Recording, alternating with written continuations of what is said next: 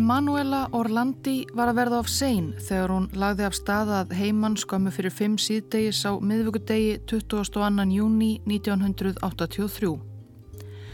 Hún hafði eftir á flautu í nokkur ár og flautu tímatnir byrjuðu klukkan 5 en hún hefði glemt sér við æfingar og klukkan var alveg að verða.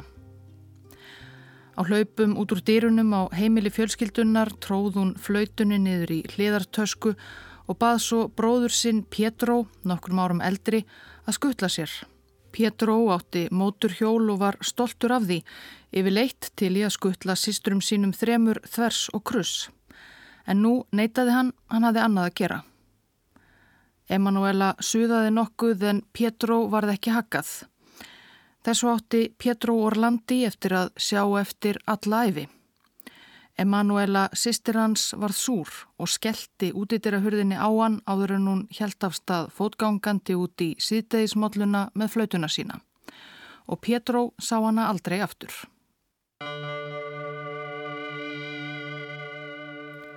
Emanuela Orlandi var 15 ára árið 1983. Hún var fætt 1968, næst yngst af fimm börnum hjónana Erkóle og Marju Orlandi. Það var eitt nokkuð óvenjulegt við Orlandi fjölskylduna. Þau byggu í minsta og fámennasta smáríki heims, Vatikaninu. Vatikanið eða Pávagarður er tæplega hálfs ferkilometra svæði innan miðborgar Rómar, höfðustöðvar kathólsku kirkjunar og sjálfstætt ríki með Pávan sjálfan sem þjóðhöfðingja. Innan múra Vatikansins eru margar stórkostlegar byggingar og sögustadir sem ótal túristar og pílagrímar sækja heim en þar búa fáir að jafnaði. Íbúafjöldi Vatikansins árið 1983 var rúmlega 600 manns, stór hluti þeirra, kardinálar og aðrir kirkjunar menn, diplomatar og lífverðir páfa. En einnig nokkrir töyir leikmanna sem unnu fyrir kirkjuna Þar á meðal var Erkule Orlandi. Hann vann á skrifstofu þáverandi Páfa, Jóhannesar Páls Annars, sá um dagatalið og fundarbókanir og þess áttar. Orlandi fjölskyldan hafi unnið fyrir Páfa kynsluðum saman. Og starfið gerði það verkum að fjölskyldan gatt búið innan múra Páagars og sökum búsetu töldustu öll vera vatikanskir borgarar með vegabrif og allt.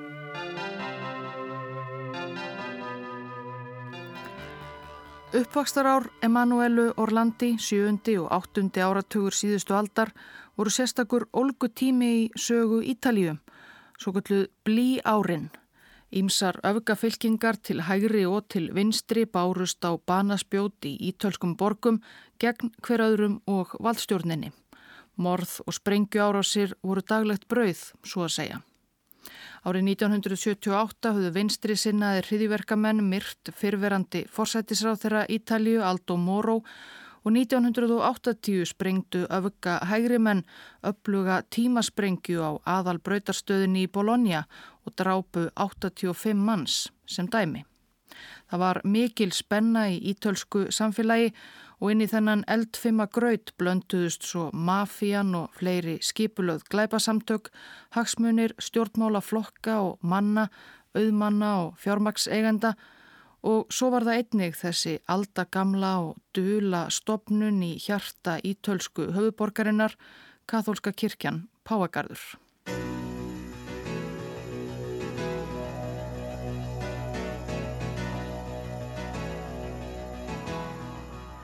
Tónlistin var þó helsta hugðarefni hinnar 15 ára gömlu Emanuelu. Hún var hrifin af Michael Jackson og ítalska hjartaknúsaranum Claudio Baglioni.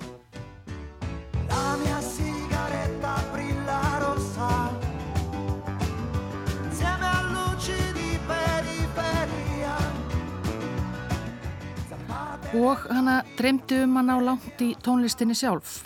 Hún var að læra á bæði piano og flautu, söng líka í kór og efði sig stundum svo mikið heima að sískinum hennar þótti nógum. Og þó hún væri komin í sumarfrí í mentaskólanum þarna í júni 1983 helt hún áfram að sækja músiktíma.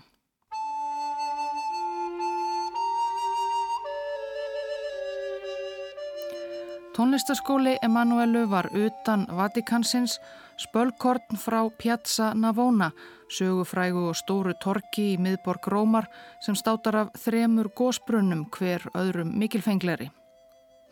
Það var þó ekki svo langt að fara, tæpir þrýr kílometrar frá heimili Orlandi fjölskyldunar í Vatikaninu. Emanuela á hraðferð tók strætisvagn nokkrar stoppistöðvar á torkið Piazza di Sant'Andrea og gekk þaðan tæpa 500 metra í skólan. Hún mætti 15 mínútum of sent í flaututíman en það hafðist. Það kann að vera að hún hafi hitt einhvern á leiðinni sem hafi tafið ferðennar frekar. Allavega, rétt fyrir sjö þetta miðvíkudagskvöld að flaututímanum loknum, ringdi Emanuela heim úr tónlistaskólanum. Sýstirinnar Fredrika svaraði og Emanuela sagði frá spennandi tilbóði sem hún hefði fengið. Maður nokkur hafði gefið sig að þenni á götu og bóðið henni starf að dreifa bæklingum á tískusýningu um helgina fyrir snirtiföru fyrirtækið Avon. Vissulega spennandi tilbóð og ágætlega borgað en Emanuela yrði þó að fá leifi foreldra sinna. Eftir Símtalið lagði Emanuela af stað heim í fyllt vinkonu úr skólanum. Þær kvöttust um klukkan 20 mindru yfir sjö við næstu strætistoppistöð. Vinkonan fór upp í strætisvagn en Emanuela ætlaði með öðrum vagni. Hún hafi mælt sér mót við aðra sýstur sína, þá yngstu Marju Kristínu á heimleðinni. Svona 7.30. Svo var kvöldmatur hjá Orlandi fjölskyldunni alltaf klukkan 8. Í kvöld er það pizza, eftirlætismatur Emanuelu. Hún hafði sjálf farið fyrrum daginn og keift í matin. 7.30 stóð Marja Kristina Orlandi á umsömdum stað á samt nokkrum vinkonum og beigð eldri sýstur sinnar. En hún leti ekki sjá sig. Eftir nokkra beigð ákváðu stúlkunnar loks að ganga yfir í tónlistaskólan, kannski væri hún þar enn við æfingar. En í tónlistaskólanum var engin Emanuela og hún kom svo ekki heldur heim í kvöldmattin sem hún hafði sjálf óskað sér klukkan átta. Þá fór fjölskylda hennar að hafa áhyggjur. Hvarf þessarar tónelsku 15 ára stúlku Emanuelu Orlandi varð með tímanum eitt þekktasta mannkvarfsmál ítalskrar sögum, raunar allræmtum heim allan og kveikjanað ótal kenningum, ótal orðrómum og inn í málið blönduðust launmorðingjar og mafjósar, bankamenn, kardinálar og pávar. En fyrstu klukkustundirnar eftir að Emanuela kvarf voru það hennar nánustu sem leituðu hennar á götum Rómar. Sisturnar ringdu í spítala borgarinnar og bróðurinn Pétró óg fram og aftur á móturhjólunu sínu fram eftir nóttu. Skimaði eftir henni og spurðist fyrir.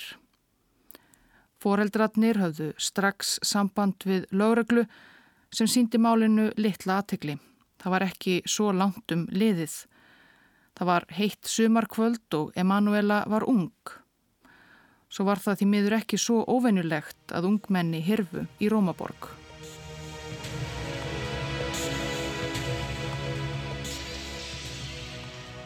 En 24. júni, tveimur dögum eftir að Emanuela skilaði sér ekki heim úr tónlistaskólanum, hafði enn ekkert til hennar spurst.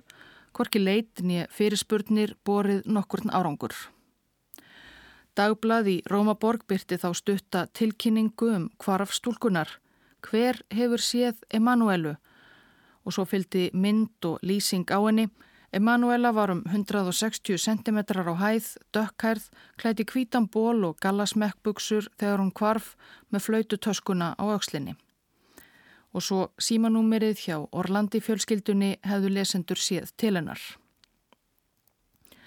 Það leiði ekki á löngu þar til símin fór að ringja, ansi oft. Flestir sem ringdu hljómuðu eins og hverulandar, símaödd og ruggl. En svo ringdi ungur maður sem hljómaði öðruvísi, trúverðugur. Hann kynnti sig aðeins sem Pier Luigi, 16 ára. Og hann saðist hafa séð stúlku sem líktist Emanuelu á útimarkaðnum á Campo de Fiori, ekki langt frá Piazza Navona, stóra torkinu með gósbrununum þremur. Hún hefði staðið þar og selt skartgrippi og snirtiförur. Hún hafi verið með flautu en neitað þegar Pierluigi baðan um að spila eitthvað fyrir sig. En þessi stúlka hefði ekki heitið Emanuela, sagði hann heldur Barbara eða Barbarella. Fóreldrar Emanuelu tóku á rás niður á Campo de Fiori en sáu dóttur sína hverki á markaðnum. Þremur dögum síðar, 28. júni, voru enn engin skýr ummerki um Emanuelu. Þá var aftur ringt á heimili fóreldrana. Það voru sex dagar liðnir frá kvarfi hennar og lögregla var loks komin í málið. Svo fóreldrarnir voru komnir með upptökutæki við síman.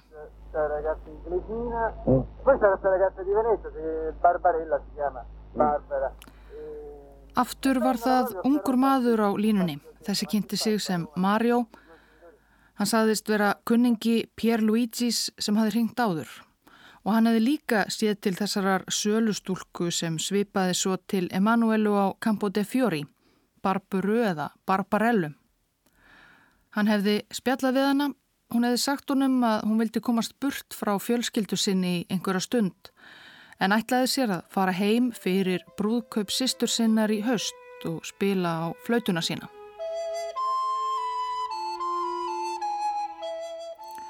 Það var rétt að sýstir Emanuelu var að fara að gifta sig um haustið. Á fyrstu dögunum barst fjölskyldunni einnig ábendingum að sérstæði til Emanuelu meðvíkutaskvöldið í hverfinuð hvar hún var síðast á ferð standa á tala við mann sem satt við stýrið á kirstæðum bíl, grænum BMWF. Lauruglumenn leituðu grætna BMWaffa og kemdu markaðstallana á Campo de Fiori í leitað Emanuelu. En það kom ekkert meira úr hvorugu spori og málið var í þann mund að taka allt aðra stefnu. Desidero esprimere la viva partecipazione con cui sono vicino alla famiglia Orlandi la quale è nell'afflizione per la figlia Emanuela di 15 anni. 3. júli 1983, sunnudagur. Undir lok Marjubænar af svölum sínum yfir Péturstorkinu vottaði Jóhannes Páll Annar Páfi Orlandi fjölskyldunni samúð sína vegna kvarfs Emanuelu og bað áheyrendur að byðja með honum fyrir því að stúlkan fyndist heil á húfi. Páfi sem hafi setið í fimm ár frá 1978 hafði þarna fengið fregnir af málinu sem hafi vitaskuld vakið aðtegli í Vatikaninu. Það var ekki á hverjum degi sem ungar stúlkur hurfu þaðan sporlust. Mál Emanuelu var farið að vekja verulega aðtegli innan Vatikansins og utan. Orlandi fjölskyldan hafi látið prenta plaggöt með myndafenni og hengt upp um alla Rómaborg. Fjallað hafi verið um Emanuelu í blöðunum svo dögum skipti. Og nú talaði sjálfur Pávin um hana fyrir framann mannskaran á Peturstorkinu. Condivido le ansie e l'angosciosa trepidazione dei genitori Á meðan helt allskins fólk áfram að ringja í Orlandi fjölskylduna með ábendingar mis gáfulegar. Tveimur dögum eftir að Pávin myndist á Emanuelu, 5. júli, vakti einn innringjandi sérstaka aðtikli fjölskyldunar og lauruglu.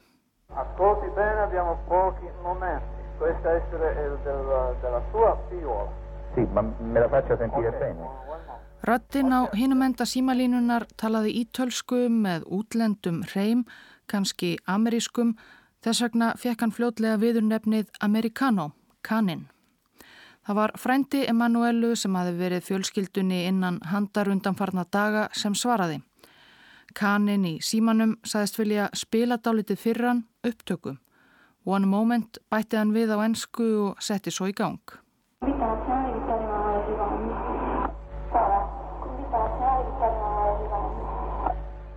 Upptakan var af stúlkurött tala um mentaferilsinn virtist vera Skóli Viktors Emanuels Annars, saði hún, í verð á þriðja ári á næsta ári raunvísindabraut.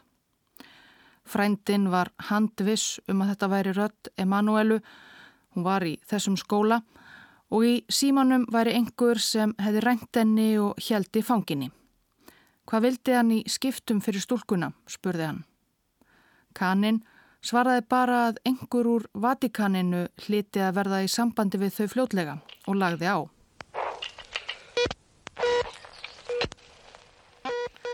En það heyrðist ekkert frá Vatikaninu þennan daginn. Síðdegis daginn eftir ringdi maður nokkur í ítölsku fréttastofuna Ansa. Maðurinn hljómaði unglegur og talaði með hreim. Hann sagði fréttamanni að hann tilherði félagskap sem hefði tónlistarneman Emanuelu Orlandi í haldi. Hún erði bara látin laus að einu skilirði uppfylltu og það varðaði Pávan sjálfan.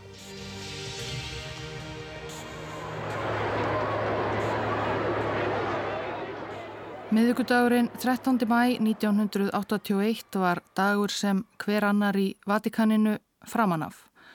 Á Péturstorki hafði mikill fjöldi fólk sapna saman síðdegist til að berja augum Pávan unga á mæli hverða Páva, Jóhannes Pál var þarna rétt 60 og feiki vinsæla. Hann óg á sínum sér útbúna kvíta fíat í gegnum mannfjöldan, veifaði, tók í hendur, blessaði mann og annan. Kona rétti honum unga barn sitt og hann hafi rétt skilaði þegar skotljóð ómuðum torkið fyrst eitt svo annað. Pávin lippaðist niður, hafi verið hæfður í handlegg og bringu.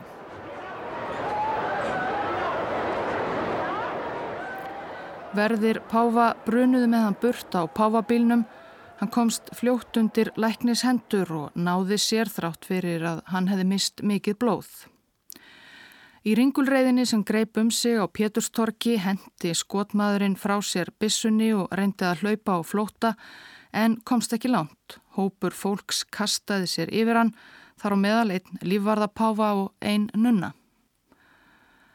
Árásamadurinn reyndist vera 23 ára Tyrki Mehmet Ali Aja.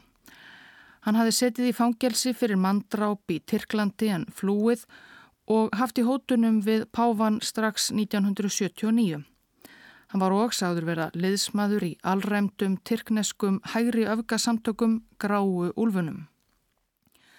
Atjas eigin útskýringar á verknaði sínum og tengslum hans við hópa og samtök voru þó ættíð nokkuð á reiki.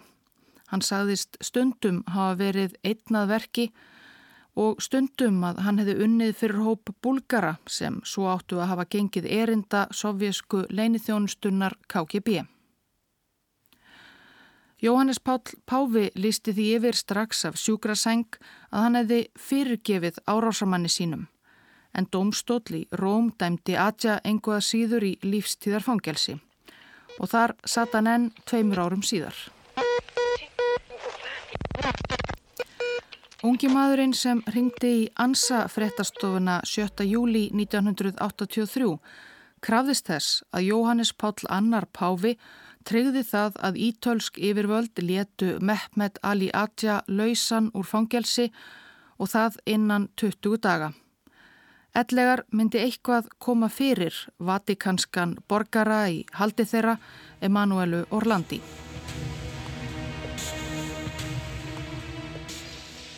Maðurinn í símanum vildi ekki gefa upp hvaða félagskap hann tilherði eða hvað nákvæmlega myndi koma fyrir Emanuelu erði kröfum hans ekki mætt en hann benti fréttamanni á að leita í ákveðinni ruslatunnu við byggingu neðri deildar ítalska þingsins, ekki svo langt frá tónlistarskóla Emanuelu reyndar. Fréttamaðurinn hljópa af stað, í tunnunni fann hann brunt umslag sem innihjælt eitt ljósritað papírsblað, nefndakort Emanuelu í tónlistarskólanum, kvittun fyrir skólagjöldum og handskrifaður teksti með kæri kveðju þín Emanuela. Ljósritið í ruslatununni samfærði marga um að Emanuelu hefði verið rænt og það af einhverjum samverka eða fylgismönnum Mehmet Ali Aja, kannski gráu úlfunum sjálfum. En að krefjast þess að maður sem tveimur árum áður reyndi að myrða leðtoga kathólsku kirkjunar er því látin laus úr lífstíðar fangelsi var ekkert smámál. Og Atja sjálfur, þegar hann var leittur fyrir fjölmiðla, saðist ekkert vita um málið. On his arrival at the police station he said he knew nothing about the kidnapping, refused any exchange and appealed for Manuela's return. Og byðlaði til ræningi hennar um að láta stúlkuna lausa. Þetta var klippa ár frétt ABC fréttastöðvarinnar í Bandaríkunum af málinu 8. júli 1983. Eftir að kröfur meintra ræningja spurðust út var kvarf Emanuelu Orlandi ekki einungis fréttamál á Ítalju, heldur um heim allan. Investigators here say that they are still considering the possibility that the kidnapping could involve friends of Aja who are trying to force his release. Næstu daga helt Amerikanin eða aðrir huldumenn sem tengdust honum áfram að ringja og ítrekka kröfur sínar í Orlandi fjölskylduna, í fréttastofur og dagblöð með að segja í eina vinkonu Emanuelu. Og mögulega ringdi hann þarna einnig í Vatikanið en nákamlega í hversu miklu og hvers konar samskiptum meinti ræningjar voru í við Pávagarð hefur alltaf verið nokkuð á huldu. Það fór minna fyrir því í æsilegum framhaldsfréttum ítölsku dagbladana upp á hvert dag í júlimánuði 83. Æðstu stopnanir katholsku kirkjunar hafa enda ekki helst verið þekktar fyrir opna upplýsingagjöf í aldanar ás. En mjög fljótlega fór Orlandi fjölskyldunni að gremjast að yfirvöldi Vatikaninu virtust þeim ekki hafa mikinn raunverulegan áhuga á að finna eigin tínda borgara.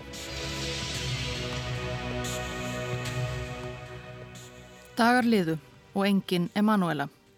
17. júli voru 11 dagar síðan maðurinn í símanum saði 20 daga til stefnu að láta Mehmet Ali Atja lausan. Hálf 11. að kvöldi var ringt í fréttastofu Ansa og bent á að pakki væri falinn við Kírinalhöllina aðsetur Ítalíu fórseta. Í pakkanum var kassetta. Á annari hlið hennar voru laung skilaboð á styrðri ítölsku, sama intak og áður látið Mehmet Ali Atja lausan.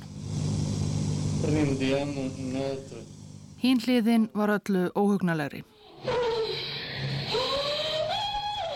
Grátur og kvein í ungri konu, sárbænir um miskun. En hvort þetta var rödd Emanuelu það var aldrei útkljáð. Að líkindum bara hljóðsporur klámynd, saði láreglan Orlandi fjölskyldunni að lokum. Degi síðar var staðfest að myndir ræningjar væru konir með beint símasamband við Páagarð, við kardinálan Agostino Casaróli sem gengdi forsæti í stjórnar nefnd Vatikansins og var því einn allra valdamesti maður smárikisins. En hvernig viðræður fóru fram millir ræningjana og kardinálans í gegnum þetta símasamband var þó aldrei mjög ljóst, ekki frekar en fyrir daginn. Sunnudag eftir sunnudag bað Jóhannes Páll annar pávið og fyrir því ofinberlega að Emanuela fyndist heil á húfi. 27. júli 1983 voru 20 dagar liðnir frá fyrsta símtali Amerikanans til Orlandi fjölskyldunar og Mehmet Ali Atja hafði ekki verið látin laus.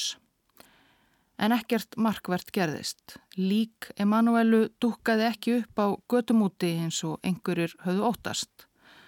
Ekkert nema annað símtal á reittstjórnar skrifstofu Rómversks dagblads Þar sem myndir ræningjar töluðu um að fresturinn til að láta árásamann Páfa lausan væri nú 31. júli. En 31. júli gerðist heldur ekkert. Það var sunnudagur og í fyrsta sinn í nokkrar vikur vakti Pávin ekkert máls á kvarfi Emanuelu. Svo hætti kannin smátt og smátt að hafa samband sem og myndir samverkamenn hans. Það spurðist áfram ekkert til Emanuelu Orlandi og slóðin varð kvöld.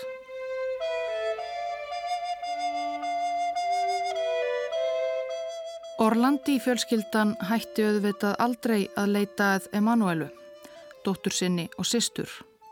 Sérstaklega varð bróðurinn Pétró sem hafi neitað sýstur sinni um far í síðasta skiptið sem hann sá hana heldtekinn af leitinni. Og líka fullvissum að þarna úti væru einhver sem vissu meira en þau letu uppi um örlög sýstur hans. Kanski innan múra Vatikansins, kanski í aðstu stöðum kirkjunar. Mísvísandi yfirlýsingar Páfa árásarmannsins Mehmets Ali Adja um samverkamenn sína höfðu áhrif á mál Emanuelu. Einn kenningin var að sovjerska leinithjónustan hefði fengið Adja til að myrða Jóhannes Pál annan. Páfi sem var pólskur var ötull anstæðingur kommunismans og trúleysisins sem hann predikaði. Hann veitti aðstóð leint og ljóst andspyrnu gegn kommunisma í löndunum handan Járntjaldsins og þegar Emanuela Orlandi kvarf var hann einmitt nýkomin úr heimsókn til heimalandsins Pólans þar sem hann stutti verkaliðsfélagið Solidarnos.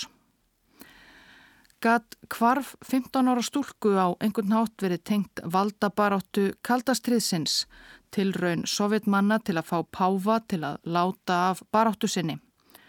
Um tíma þótti mörgum þetta sennilegri kenning en svo að tyrkneskir öfgamenn hefðu haft eitthvað með kvarfið að gera. Kanski sérstaklega vegna þess hver fámál yfirvöld í Vatikaninu voru ættíðum aðkomu sína að leitinni að Emanuelu ef einhver var. Árið 1997 hafði mál Emanuelu Orlandi ekkert hreifst svo árum skipti af hálfu lauruglunar. Yfirvöldi Rómaborg ákvaðu þá að leggja rannsóknina niður. Tekið var fram að engar sannanir hefðu fundist fyrir aðkomu sovjesku leinithjónustunar að kvarfi stúlkunar. Í júli 2005, þegar 22 ár voru liðin frá kvarfi Emanuelu Orlandi, ringdi maður sem ekki let nafn síns getið í starfsmann ítalsks sjónvastáttar sem sérhæfir sig í umfjöllunum mannkvarsmál og glæpi til að vistó. Skilabóð hans voru stutt. Sannleikan um afdrif Emanuelu, sagði hann, væri að finna í grafkvelvingu Sant Apollinare Basilíkunar í Róm Í þetta sinn ekki bara steinsnar frá tónlistaskólanum hennar, heldur bókstaflega byggingin við hliðin á. Sjónvarsmenn heldur til rannsóknar í gravkvelvingu kirkjunar reyndist vera stór gröf kirfilega nefnd manni að nafni Enrico de Pettis. Það kom sjónvarsmennunum nokkuð og óvart. Þetta var aldagömul og nafn tóguð kirkja þar var ekki hver sem er settur niður, hvað þá leikmaður en Enrico de Pettis sem lést 1990, 35 ára að aldri, var aðalega þekktur sem glæpamaður. Pronto? Buongiorno. Allora? Eccoci qua. Ma uscito presto stamattina? È presto, alle 10. Enrico de Pettis heyrist hér ræða við einhvern kollega sinn í síma úr hlerunar upptöku lauruglum. De Pettis var um árabil einn af leðtógum eins helsta glæpagengis Rómaborgar Banda della Magliana sem var upp á sitt bersta eða versta frekar á blí árunum frá 1975 og fram á upphaf tíunda áratugar. Líkt og önnur ítölsk gleipasamtök stunduðu liðsmenn Banda della Magliana þá eiturlifja smíkl og sölu, rán, veðmálabrask, peningaþvætti. En félagar gengisins voru líka bendlaðir við ímsar af herskáum öfgafylkingum blí árana og við mörg allræmdustu glæpamál í tölsku höfuborgarinnar á þessum tíma eins og morðið á forsætisráþuranum fyrverandi Aldo Moro og áður nefnda sprengju árás á brautarstöðin í Bologna 1980. 1990 var De Petti sjálfur sallaður niður af fyrverandi kollegum sínum í genginu úti á götu í miðborg Rómar.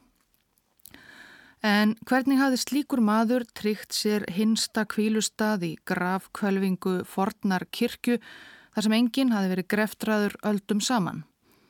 Hafði hann mögulega einhver leinileg tengslu við katholsku kirkjuna við Páagarð? Óbimbera skýringin sem fegst var að De Pettis hefði um ára byl verið velgjörðamaður kirkjunar og starfshennar í þá fátækra en margir klóruðu sér þó enn í höfðinu. Í kjölfar ábendingarinnar um grafkvelvinguna fór starfsfólk mannkvarfstáttarins að grafast fyrir um Enrico de Pettis og höfðu upp á konu sem hafi verið unnusta gangstersins 1983 þegar Emanuela Orlandi kvarf og svo sagði smátt og smátt ótrúlega sögu. Unnustan Sabrina Minardi sagðist ekki bara vita að kærastinn hennar hafi verið viðriðin kvarf Emanuelu heldur hafði hún sjálf séð stúlkuna læsta inn í herbergi í íbúðarhúsi í Róm, tekið þátti að flytja hana á milli staða og orði vittni af því þegar gangsteratnir losuðu sig svo við líkennar á byggingasvæði í nákrenni Rómar. En framburður mínardi þessarar þykir ekki endilega mjög trúverðugur. Bent hefur verið á ýmsar misfellur í sögu hennar Svo útgáfa sem fór hér á undan var bara ein af mörgum. Stundum saðist hún hafa flutt stúlkuna í hendur svartklæts klerks og svo framvegs. Mínardi var líka í mikilli neistlu á þessum tíma og hjælt því lengi áfram. En fréttaflutningur af vittnisspurði hennar og gröfti Pettís var til þess að blása lífi í kenningar um að eitthvað skuggalegt makt tengt Vatikaninu hefði verið kveikjan að kvarfi Emanuelu.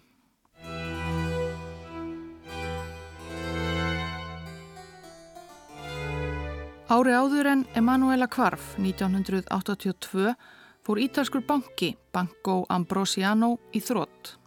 Bankin þótti sérstaklega kristilegur af banka að vera, nátengdur katholsku kirkjunni og í miklum viðskiptum við opinberan banka Vatikansins með digra kirkjunar sjóði. En stjórnendur Banco Ambrosiano höfðu líka staðið í peningaþvætti og ýmsum afar vafasömmum business fyrir ítölsk glæpasamtök. Þetta var allt saman flókin saga en gjaldtrótið varð mikill skandal. Bankastjórin Roberto Calvi, stundum kallaður bankamaður Guðs vegna þess hver náið hann vann með Páagarði, flúði land og fannst loks látin í Lundunum við mjög grunnsamlegar aðstæður, hengdur undir brú með vasa fulla af steinum og seðlum. Dauði hans hefur aldrei verið upplýstur almennilega en ólíklegt verður að teljast að hann hafi hengt sig þar sjálfur. Það verður líka að teljast bísna líklegt að glæpa samtök Enrico de Pettis, bandadella Magliana, hafi verið í viðskiptum við fallna bankan og orðið af umtalsverðum fjárhæðum þegar hann fór í þrótt. Gatt verið að gangstiratnir hafi rænt Emanuelu til að reyna að krefja toppana í Vatikaninu um að endur greiða þeim peningana úr þeirra sjóðum. Hver veit? Eftir að ábendingin um gangstirinn í Basilíkunni barst sjónvarsþættinum 2005 þótti Orlandi fjölskyldunni næg ástæða til að kanna málið nánar og laði hartað yfirvöldum í Róm og Vatikaninu að opna gröfina og rannsaka. Það sótist hægt en gröf Enricos de Pettis í Sant Apollinari Basilíkunni var loksins opnuð sjö árum síðar, 13. mæ 2012. Dunque ora è ufficiale, quello dentro la basilica di Santa Apollinare è il corpo dell'ex boss della banda della Magliana Enrico De Pedis.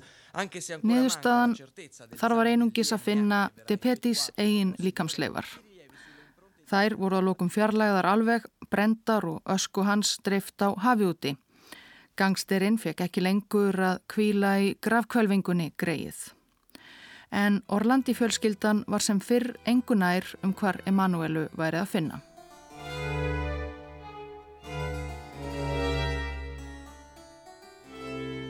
Það vill verða svo að þegar mál Emanuelu Orlandi ratar aftur í fréttir og áhugi almenningskviknar að nýju að framkoma fleiri kenningar og fleira fólk sem stekkur fram og tilur sig vita einhvern sannleika um málið.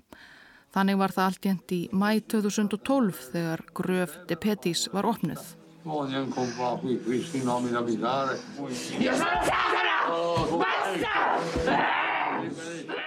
Gabriele Amort var stundum kallaður særingamaður Pávans.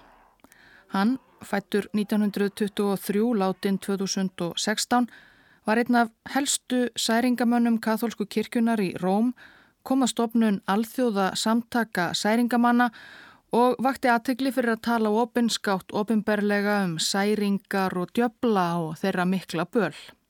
Hann særði að eigin sögn út 2000 djöbla á ferli sínum. Hér heyrist hann særa þann vonda sjálfan úr vesalingskonu. Repelle domine, virtutem diaboli. Repelle domine, virtutem diaboli. Og vel á minnst vorið 2023 kom út myndum Amort með sjálfum Russell Crowe í aðalhutverki. You have a problem with me. You talk to my boss. The Pope. En hvað um það? Þarna í mæ 2012 kom Sera Amort, þá 85 ára, fram í ítölskum fjölmiðlum og saði sig vita sannleikan um mál Emanuelu. Henni hefði, jú, verið rænt af Vatikan lauruglunni sem síðan þvingaði hana til þáttöku í svallveislum valda mikill að manna. Hún hafi síðan verið myrt. Særingamadurinn gaf ekki frekari upplýsingar og engar sannanir fyrir þessum fullirðingum. Sér að Gabrieli Amort held í reyndar um svipaleiti fram að bæði Harry Potter og Jóka væru verkværi djöfulsins. A statement was made by the Vatican's chief exorcist calling yoga the work of the devil. 86-year-old Father Gabriele Amor went on to say the stretching exercise is satanic. En burt séð frá satanískum svallveislum þá hafa reyndar fleiri sett fram kenningar um að hvarf Emanuelu meirekja til einhvers konar kynferðiskleips. Konan okkur sem ekki hefur komið fram undir nafni en segist hafa verið trúnaðar vinkona Emanuelu á sínum tíma hefur sagt sögu sína í bókum og heimildatháttum um málið á síðari árum. Hún heldur því fram að viku fyrir kvarfennar hafi Emanuela sagt sér í geðsræringu frá því að hún hafi verið áreitt af hátt settum kirkjunarmanni í görðum Vatikansins þurfti kannski að þakka niður í henni í kjölfar þess.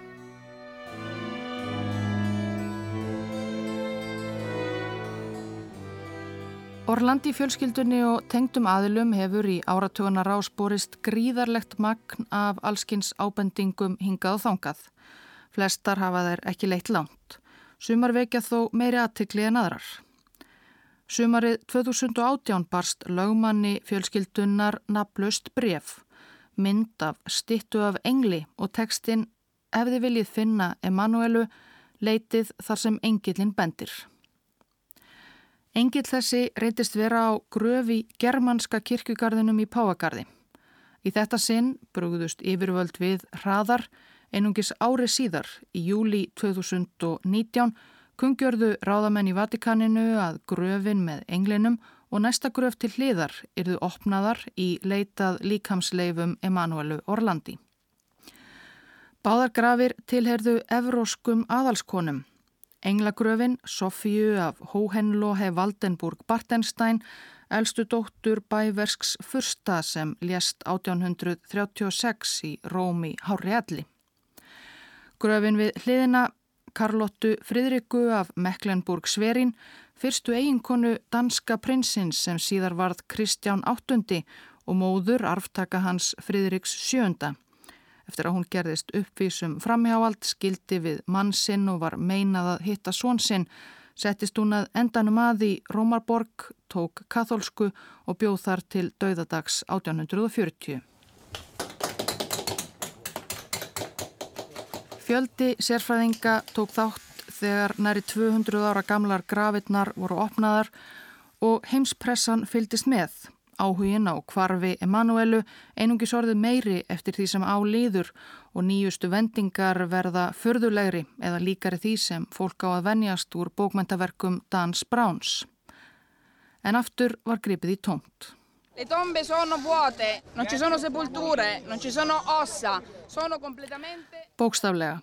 Ekki nómið að því gröfunum fyndust ekki líkamsleifar 15 ára stúlku voru þær gal tómar, ekki einu sinni prinsessutnar sem áttu að vera þar af einhverjum ástæðum. Grafirnar eru tómar, tilkynnti lögmaður Orlandi fjölskyldunar bladamönnum með Pietro Orlandi alvarlegan á svip sér við hlið, bróðurinn sem aldrei gefst upp á að leita sýstur sinnar.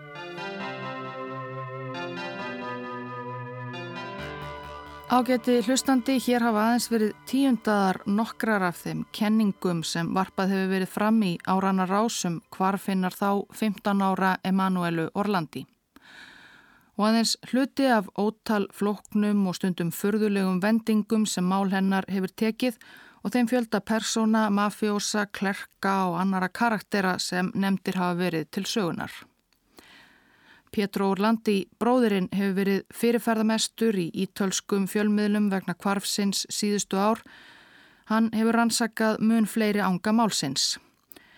Hann hefur ættíð haldið því fram að valdamenn í Vatikaninu, kirkjunarmenn, viti meira um málið en þeir láti vera láta og hafi jafnvel staðið vísvitandi í vegi fyrir rannsókn þess.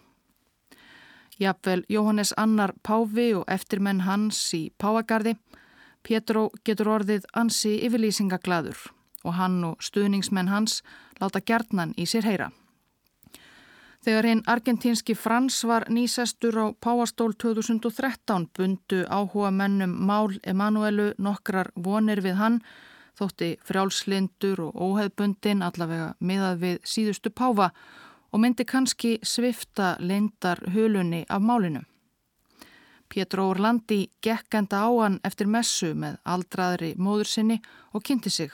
Frans tók í hendur þeirra og mun hafa sagt við móðurina Dóttir þín er á heimnum. Pétur brást ekki vel við. Vissi nýjórðin Páfi eitthvað sem hann vissi ekki. Hvernig gata hann bara fullirt að sýstir hans væri á heimnum, væri dáin. Og þar með var svo von úti líka. Í júni 2023 verða 40 ár frá því að fjölskylda Emanuel Orlandi sá hana síðast.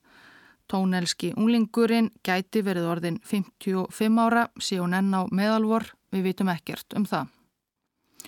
Pétur Orlandi er í þessum upplesnum orðum enn að rannsaka kvarvenar, enn að koma fram í fjölmiðlum með nýjar og nýjar kenningar.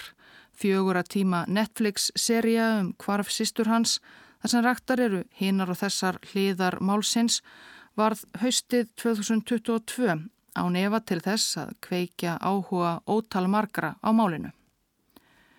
Kanski verður Pétró loks eitthvað ágengt. Í janúar 2023 tilkynntu yfirvöld í Vatikaninu að þau hugðist opna nýju rannsókn á þessu 40 ára mannskvarfi. En hvað það þýðir nákvæmlega í hinnum leindardómsfulla páagarði Það kemur vonandi í ljós síðar.